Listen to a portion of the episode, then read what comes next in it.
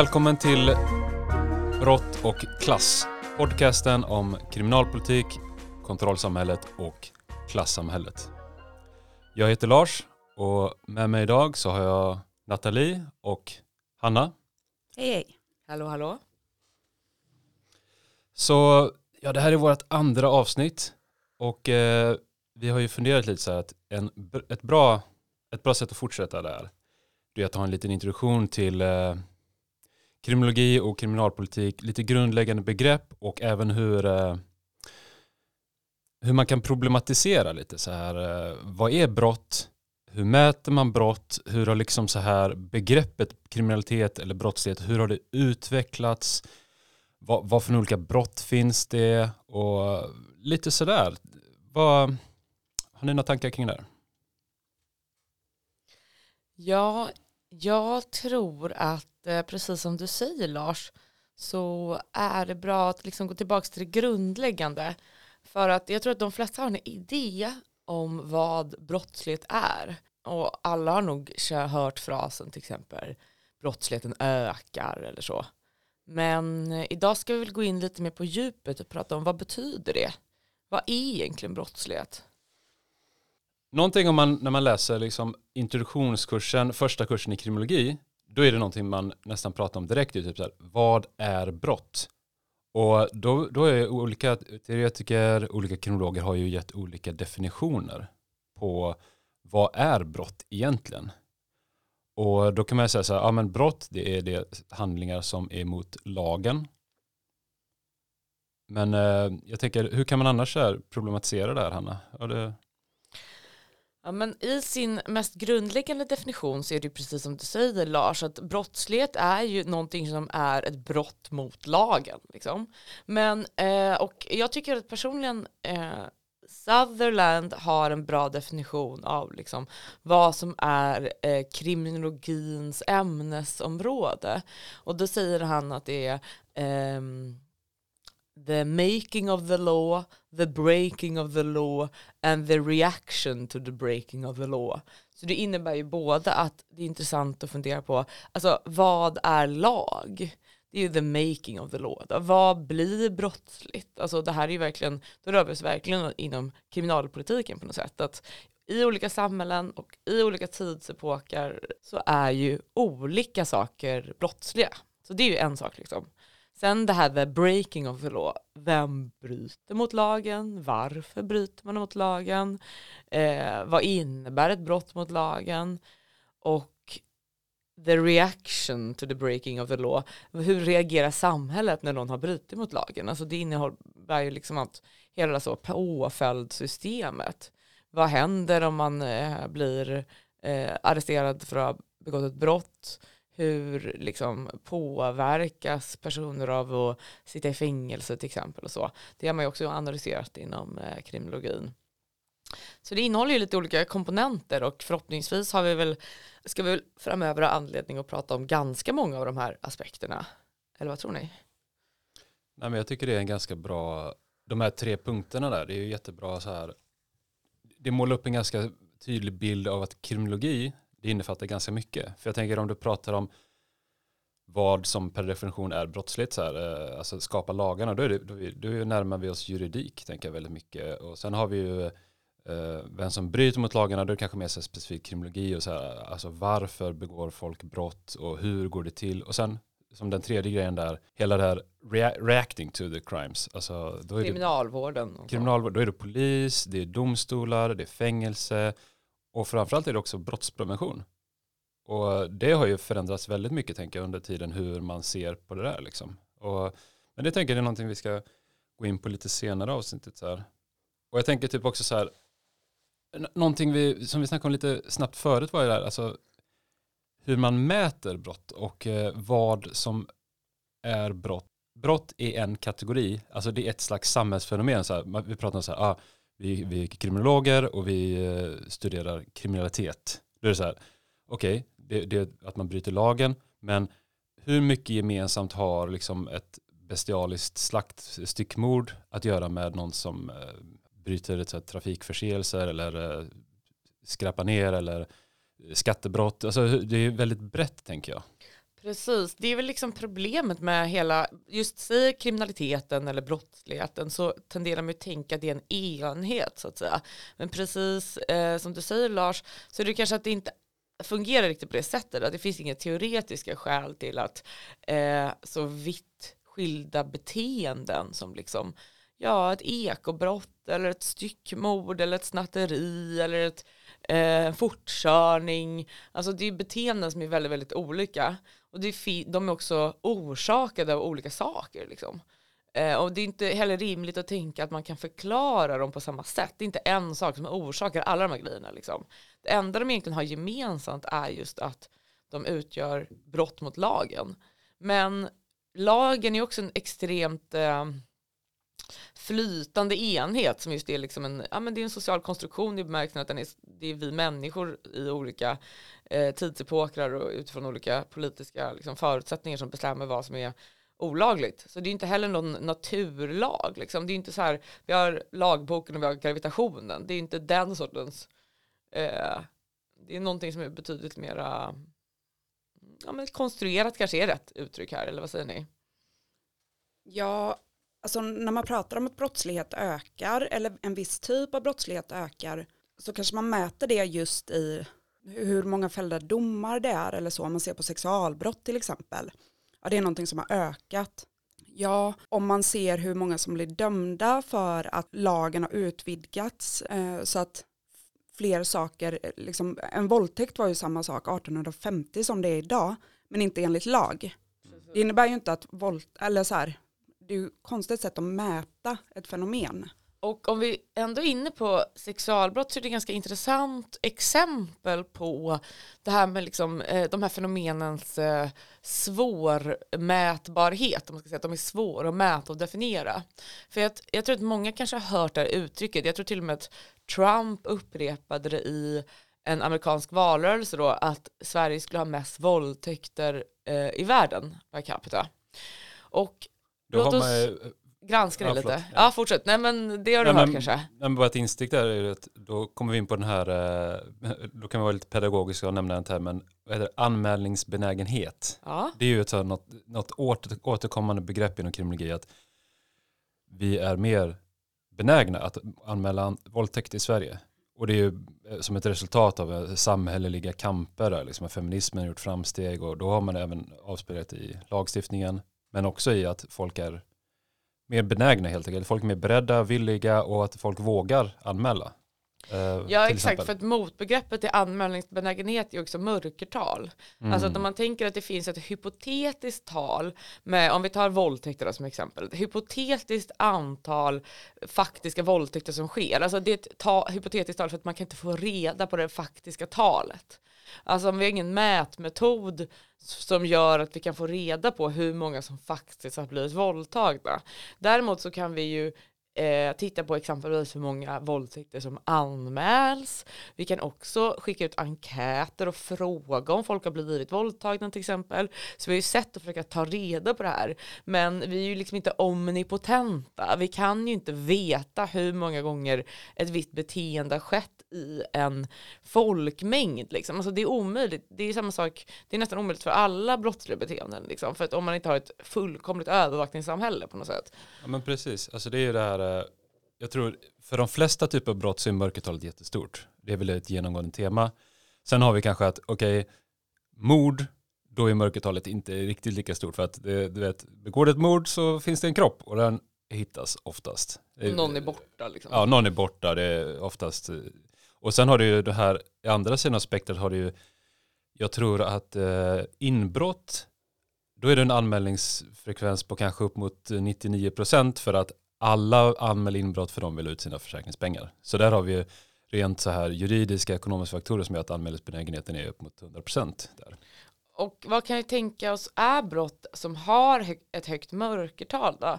Jo, men alltså verkligen brott som har historiskt sett varit väldigt svåra att utreda är brott som sker i hemmet och där är sexuellt våld ett av dem. Liksom. Samma sak med eh, våld i nära relation och sådär. Liksom.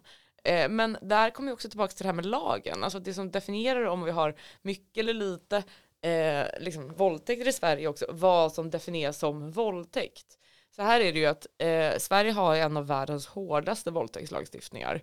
Att mycket beteenden som i andra länder hade kanske varit sexuella trakasserier är våldtäkt i Sverige och den har också skärpts flera gånger i modern tid. Liksom.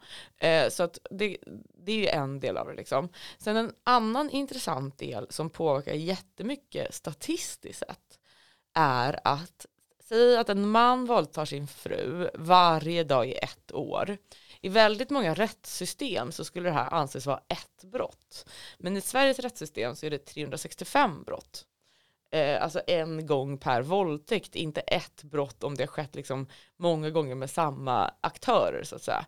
Det gör ju att om det då i statistiskt sett så påverkar det här kanske mer än någonting annat, alltså hur man räknar. Och det är ju någonting som är ganska intressant inom kriminologin, att det här återkommer gång på gång. Att vi vet liksom inte, det är det här med att vi kan inte veta hur mycket som har skett totalt. Alltså vi har ingen upp, det finns ett mörkertal, det finns en, ett tal vi inte upp, har någon uppfattning om. Mm. Men... Eh, ja, verkligen. Och sen tänker jag att eh, om man då ändrat det någon gång, eh, alltså just det här att, att nu räknas det som alla separata incidenter i ett brott eh, per, per gång om man säger så.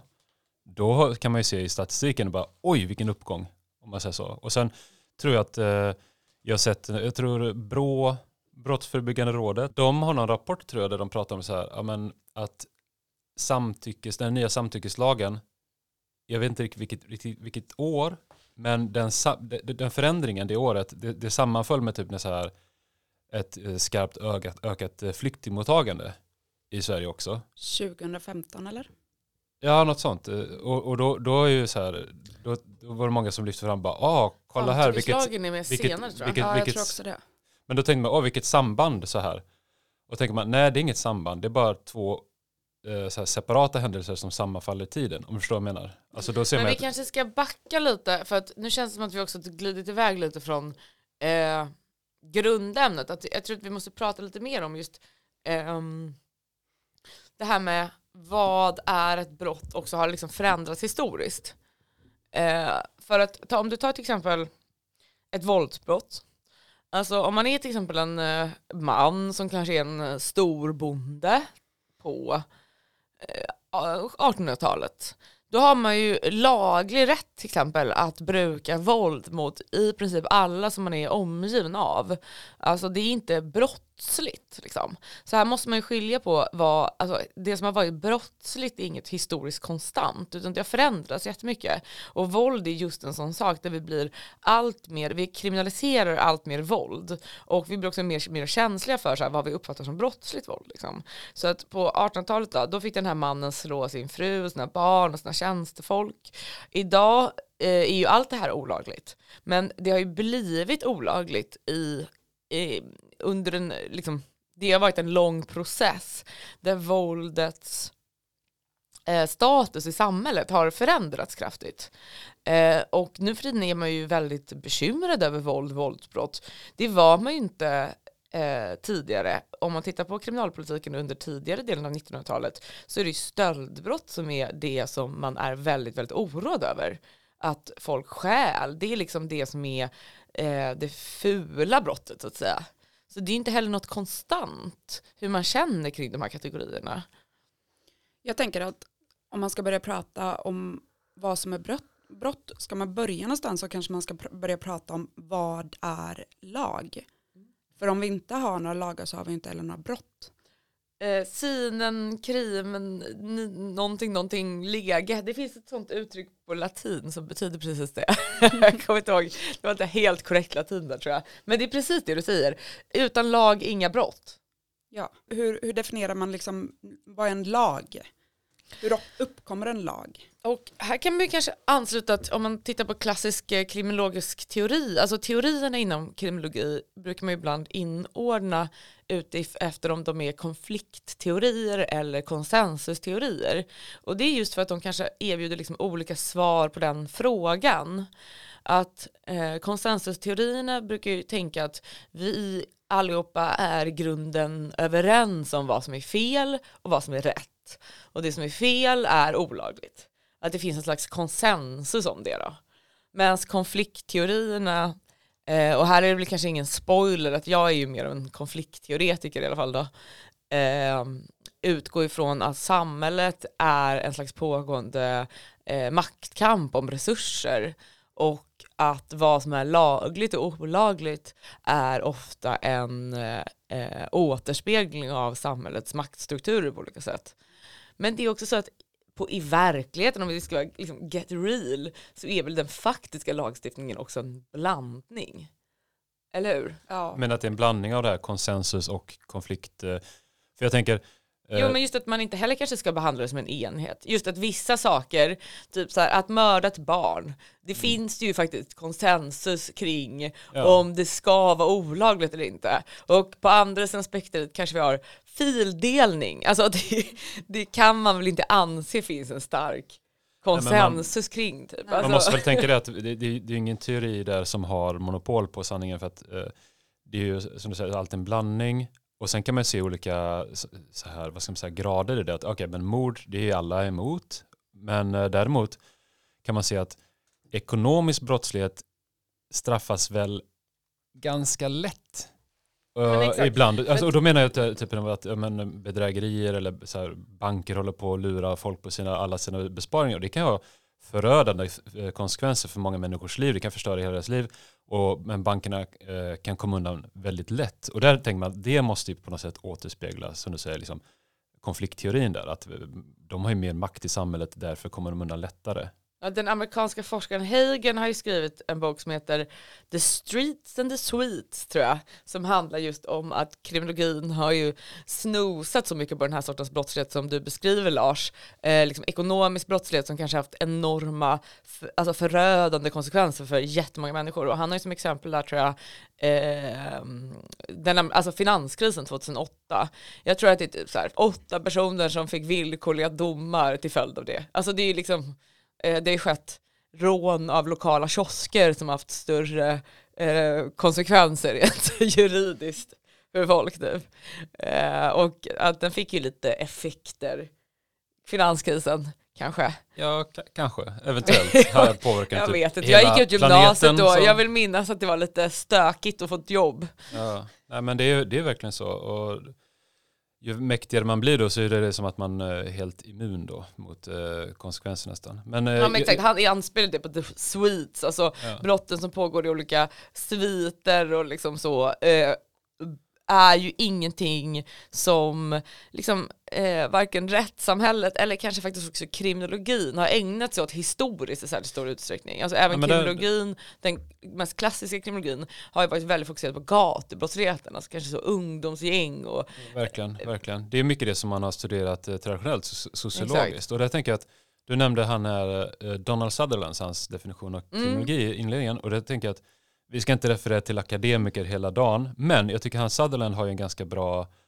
han har gjort många bra insatser tycker jag. Och jag får med, det är han också som ganska tidigt, jag vet inte om det är redan på 30-talet eller ja, men för 100 år sedan typ, att han började uppmärksamma det här med vad han kallar white collar crime, alltså typ främst då ekonomisk brottslighet och liksom så här brottsligheten som bankmän, de här finanshajarna håller på med och som drabbar liksom eh, arbetarklassen eller medelklassen och folk i allmänhet väldigt mycket. Så där ser man att då är liksom synen på brottslighet har förändrats. För om man tänker för 100 år sedan var det så här, eller 200 år sedan för den delen, då var det mer, ja, folk som slår ihjäl varandra. Och sen är okay, men det finns den här ekonomiska brottsligheten.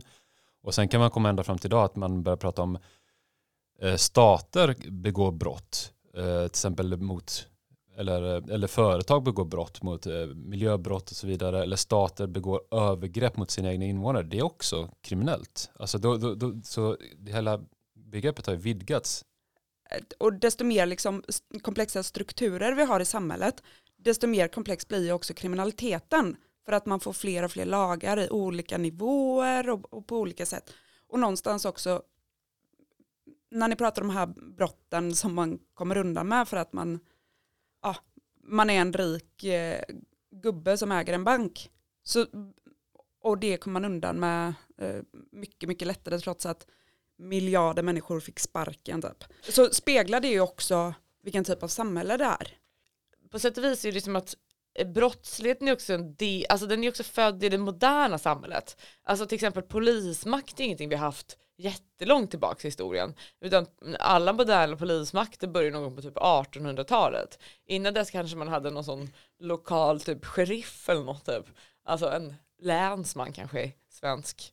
Ja, det är väl en ganska så här sen uh, utveckling egentligen. Att, uh, jag menar, moderna svenska Exakt, polisen, det- när kom den? Var det på så här 50-talet eller? Ja men typ, alltså det, och för, före det var det verkligen så här Brottsbalken kom kling och klang liksom. 1968 och det förändrar ju väldigt mycket i så här hur den moderna, typ, hur man definierar kriminalitet i, i, liksom, i Sverige. Typ. Men om man tar liksom, hur man brukar spåra polisen som institution så här, historiskt och internationellt så brukar man ju säga att de här stora eh, härjiga folk Eh, upprorstiden på typ slutet av 1800-talet och början av 1900-talet liksom, när folk flyttade in eh, till städerna, började jobba i fabriken, du vet, så tidiga arbetarrörelser började organisera sig, det är eh, demonstrationer och liksom en oro för eh, liksom, eh, från ja, att eh, samhället eh, håller på att förändras och så vidare. Och den här liksom, vad man säga, den urbana oron också, den ska vi säkert prata om. Att hela kriminologins historia är ju också en historia om staden på något sätt. Eh, men det kommer vi säkert återkomma till. Men där kommer ju polisen ifrån. Och det är ju någon slags idé om att i början, alltså folk brukar tro att polisens uppdrag är att bekämpa brott. Det har det ju inte varit historiskt. Alltså om man tittar på den historiska bakgrunden så har det ju snarare varit kanske att man behöver kontrollera liksom folkmassor som befunnit sig på nya platser och liksom eh, uppfattats som väldigt hotfulla då. Alltså, jag tänker på Storbritannien är ju ett utmärkt exempel. Ja men så är det ju verkligen. Nej men jag tänker också det här eh, om man, man definierar brott så vad är brott? Då, då finns det ju så här, jag tycker det är så intressant att vissa ganska framstående eller dominerande eh, stora teoretiker och forskare eh, historiskt, de, de definierar brott så här, ja, it's harm, alltså det är något som skadar någon annan. Och sen eh, har man andra teoretiker som pratar om ja, men brott, vi kan förstå det som att människan är rationell och försöker tjäna sig själv. Alltså det är något som folk tjänar på. Och det där, det, det, när jag har pluggat kriminologi då känns det som att det är två olika föreställningar som man stöter på ganska ofta. Men jag tycker det, de kan vara ganska problematiska. Ja, verkligen. Eller båda de där har ju stor, stora uppenbara luckor om man ska säga så. Alltså det är inte så svårt att hitta exempel på brottslighet som inte orsakar någon särskild skada. Alltså det finns ju sådana, vad man brukar kalla för victimless crimes, ett annat sånt begrepp. Alltså till exempel typ om man själv bryter mot narkotikalagstiftningen eh, och gör det själv, eh, liksom, vem har man då orsakat skada liksom? Och sen kan man ju nämna att det, det har historiskt funnits väldigt många victimless crimes, alltså här, sodomi eller alltså att vara Ja, homosexuell och, och så, så vidare. Och Så här, att vidare typ liksom. ha sex utanför äktenskapet, det är också varit kriminaliserat. Det finns ju massa sådana exempel. Eh, och så här konstiga, typ så här, det har ju varit olagligt, massa sådana saker som eh, man har inte riktigt förstått om någon någonsin har gjort typ. Alltså eh, svartkonst, olagligt. Dans, olaga dans. Ja, det var ju olagligt i förra veckan typ. Nu får vi äntligen dansa i Sverige. Du vet, bra att du tog upp det här, för att det här är väldigt intressant tycker jag, för det här leder ju in på någonting annat. Något har blivit tillåtet i Sverige. Det är första gången på länge, visste ni det? Ja, det är ju väldigt intressant. Är inte det intressant? Vi ska prata lite om det i nästa avsnitt. Vi tänkte planera om eh, just det här med hur eh, brotts och kriminalpolitiken har utvecklats. Ska vi gå in mer på detalj på det? Så det är ju skitintressant att man bara, okej, nu är någonting tillåtet. För det känns Precis. som, det är inte varje dag någonting blir liksom eh, avkriminaliserat på det, Det är det sättet. verkligen inte och det här är en sån grej, alltså vi har ju en liten vag folkbildande ambi- ambition då i den här podcasten. För att just, för, om vi går tillbaka till den här ursprungsfrågan, typ eh, hur ska man ta sig an en fråga som ökar brottsligheten? Nu har vi ju då pratat en del om att brottsligheten är ett koncept man måste bryta ner liksom. Man kanske inte kan förvänta sig att eh, det finns brottsligheten, utan snarare att det finns olika sorts brottslighet. Vi brukar ju prata till exempel om våldsbrott, sexualbrott, tillgreppsbrott, så det är ett annat ord för olika typer av stöldbrott. Och sen så finns det ju, som Lars har varit inne på, alltså ekonomisk brottslighet och eh, ekobrott, alltså ehm, och miljöbrott och sådana där, typ, överstat, krigsbrott, alltså många kategorier som kanske inte tillhör de här eh, som liksom svenska polisen jobbar med dagligen så att säga. Ja, och bara den uppräkningen där då, och sen kan man ju lägga till så här passionsbrott, politiska brott och allt möjligt. Jag menar, det, det visar sig att det är ett väldigt komplext fenomen och det här föreställningen om att folk begår brott av en anledning, typ så här, folk är rationella varelser på en marknad av möjligheter och bara vill berika sig själva. Ja, alltså människan är mer komplex än så. Och det, Ja, det känns väldigt så här, där är en li- liberal, li, liberal världsbild som är väldigt förenklande och typ så här, det finns så mycket mer motiv och så mycket mer tankegångar i en människas huvud när man väljer att byta mot en lag, tänker jag. Men inte det är så himla konstigt också, den här rationalitetsprincipen som du pratar om. Varje gång jag hör den så tänker jag så här, har du träffat en människa? Alltså, ärligt talat, är, vi, alltså, det är, det någonting vi vet om oss själva? Inte, det här är mätbart, man har mätt, man vet att människor är irrationella. Men jag tycker att det här är en sån grej som behöver vi ens mäta där. Alltså när man mäter något som man nästan skulle kunna fatta ändå, det brukar ibland kallas för trivial forskning. Alltså jag tänker att alla som någonsin har träffat en människa måste förstå att vi är inte rationella på det sättet. Vi, alltså Freud är ju närmare där när han pratar om att vi har, och det var ju tydligen en kvinna som kom på, så vi ska inte credda Freud för det här, men dödsdriften typ, the call of the void typ, alltså sånt där är ju mer, det är ju egentligen så vi funkar på riktigt typ. Alltså, Låter lite coolare också så här. Ja. Call of the void eller rationella, jag kör. kör. men vi står ju över avgrunden och typ Ja. så, är alltid sugna på att peta foten över kanten typ. Men, men jag tänker för, för att knyta ihop lite resonemangen här, så tänker jag att det vi nämner nu, det är verkligen så här, eh, det är så mycket uppdelningar av olika sorters brott att förklara all sorts brottslighet med en teori, det känns ju ganska eh, svårt, eh, Ja, och vanskligt. så här. förenklande. Men däremot, så, bra. så för att, nu ska jag inte ta den här, för jag, för jag tycker verkligen så här, rational choice theory, som är, det varit en stor, dominerande, jättepopulär eh, teori om, eh, inom kriminologi. Den är ju ganska, så man ser uppenbara brister, men när jag har skrivit själv om så här, ekonomisk brottslighet, jag har skrivit om liksom, korruption eller inom så här, organiserad brottslighet inom byggbranschen och liknande, då är den jättebra. För just i dem, eh, när det handlar om ekonomisk brottslighet, då är det ju så här, det är rationellt, folk söker så här rationellt upp olika former för att tjäna pengar. Precis. Då är den jätteanvändbar. Och det är liksom, jag tycker det är lite så man måste ha en grundläggande inställning att du kan, eh, du behöver inte liksom så här, eh, så här svära trohet till en viss eh, kriminologisk teori, en viss skolbildning, utan du kan använda teorier också för att undersöka olika fenomen, tänker jag. Exakt, och jag tror att precis som du säger att eh, olika teorier kan förklara olika fenomen och det är väldigt förenklande att tro att en teori skulle kunna förklara för då förutsätter man ju att det finns en enhet i det som heter brottsligheten och därför kan man ju också ha en orsak som förklarar det. Och det tror jag vi ägnat oss just det här introduktionsavsnittet eh, för att reda ut att det finns inte en enhet som heter brottsligheten. Och därför kan vi inte heller förvänta oss att det finns en teori som kan förklara fenomenet brottsligheten. Däremot så, precis som du säger, så kan man förklara olika aspekter av brottsligheten med olika teorier och olika eh, orsaksmodeller till varför det ökar och minskar och så vidare. Det kommer vi komma in på. Kanske man gör ett avsnitt av just om våldsbrottsligheten när vi får reda ut ordentligt vad vi menar med våldsbrottsligheten, hur våld har blivit ansett vara brottsligt eller inte genom historien och hur man kan mäta det. För det är också en aspekt av det här som vi inte pratar om så mycket, men lite grann, som vi kommer komma in på mer tror jag. Ja, men jag tycker vi, vi, det är något som vi absolut ska ta upp. Jag tänker kanske nästa avsnitt då att vi pratar mer om brottsutveckling och hur det har förändrats. För det, det vi har pratat om nu, vi har pratat mycket om själva, hur själva synen på brottslighet har förändrats. Men sen kan jag gå in mer på så här specifika brott och även kriminalpolitik, hur det har förändrats. Men jag, men jag tänker just, eh, jag, jag, jag, om vi ska börja runda av, men jag, jag vill bara ta upp en grej som jag tycker är intressant. För nu har vi sagt så här att det är ingen teori som kan förklara allting. Men eh, det finns ju en svensk forskare som heter eh, Per-Olof Wikström som jag tycker är ganska skarp. Och han pratar om så här att eh, regelbrott, alltså han, uh, breaking the rules, alltså han, han, och det tycker jag är lite så här empiriskt grunden då, för han menar att det har man ju sett att många brottslingar som begår grova brott, de begår också mindre brott i ganska stor utsträckning. Så jag menar om någon är grovt kriminell och så här sysslar med narkotikaverksamhet och mord och liknande, de kör också för fort och de eh, tar själv narkotika. Alltså förstår du vad jag menar? Så att det, det, det finns en slags så här, eh, eh, den sortens syn på brottslighet. Tror ni den har någon giltighet? Så tror jag absolut i vissa sammanhang och på olika sätt. Men att det kanske inte handlar om regler och brott på det sättet utan mer kanske hur människor är typ. Har man liksom uh, slagit sin flickvän en gång då har man trätt över en gräns.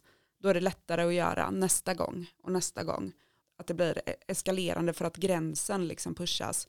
Men det har ju också att göra med det här med vad man faktiskt kan veta om brottsligheten. Alltså att det beror på hur man mäter, hur man definierar. För jag tänker också att om vi tar exemplet, eh, kör också för fort fort, kanske typ begår ringa narkotikabrott. Så finns det också vissa miljöer, jag tänker typ så här, riktigt privilegierade miljöer i Sverige, där väldigt, väldigt många kör väldigt fort och begår väldigt många narkotikabrott, men där enligt liksom brottsstatistiken återspeglar inte det, för att de människorna rör sig i miljöer där upptäcktsrisken är minimal mm. och som inte heller är bevakad och liksom eh, polisiärt kontrollerade på det sättet som kanske människor som rör sig liksom i andras klassegment. Mm. Och då återspeglar ju statistiken också liksom den skevheten. Så vad vi vet om brottsligheten är därför också reflekterat av hur vårt samhälle ser ut i övrigt. Så den aspekten måste vi också ha med sig på något sätt. Det är jätteintressant för då tänker jag också de här eh, personerna som kör för fort och alltså folk som har från överklassen som begår brott, de ses ju inte heller som brottslingar. Alltså det, är Nej, exakt. det är de här kriminella och då tänker man på helt andra personer. Så det, är... det är väldigt social, alltså det är en idé som är också kulturellt konstruerad. Alltså vem som är brottslingarna i typ media och tv-serier och böcker och liksom populärkultur på olika sätt. Det kanske det, det färgar ju vår bild väldigt mycket. Att just vem som är brottslingen är ju mer av en någonting som eh, ja, men just är ganska så här, kulturellt betingat. Ska vi ta en, ska vi wrap this och komma igång med? Ja men jag tycker det, jag tycker det. Så, eh, nu har vi ju gått igenom ganska mycket jag tycker Vi har gått igenom så här, vad är vår syn på brottslighet? Alltså, att det finns olika sorters brott, det finns olika sorters sätt att mäta brott och framförallt hur det har både synen på brottslighet men också brottslighet i sig, hur det har verkligen eh, utvecklats under åren och hur det har sett olika ut eh, i olika kontexter och så vidare. Men jag tycker vi kan, kan varva ner där och så ses vi i nästa avsnitt helt enkelt. Och då ska vi prata lite mer om själva brottsutvecklingen i, vilken aspekt då tänker ni? Att eh, brottsutveckling mer eh, men kanske, det kan ju vara bra att utgå från lite så här hur det sett ut i senmodern tid, alltså hur det sett ut de senaste 20 åren, 40 åren, 50 åren. Mm. Eh, för några kanske de här ordentliga övergripande kategorierna för våldsbrott, för tillgreppsbrott och så vidare. Det kan vi väl gå in på lite grann. Och så prata lite kriminalpolitik, hur det utvecklats. Och då måste vi såklart prata om eh, mitt favoritämne eh, mätbarhet, statistik, vad som kan återreflekteras i olika material, vad man kan veta, epistemologin bakom det hela. Oh, nu är det väldigt mycket. Ja, ni hör. Ja, men då kör vi så här då. Kul. Nu, nu, nu, får vi bryta här för nu är det epistologi. Men tack så mycket för att ni har lyssnat och vi syns i nästa avsnitt. Ha det bra. Ha det bra.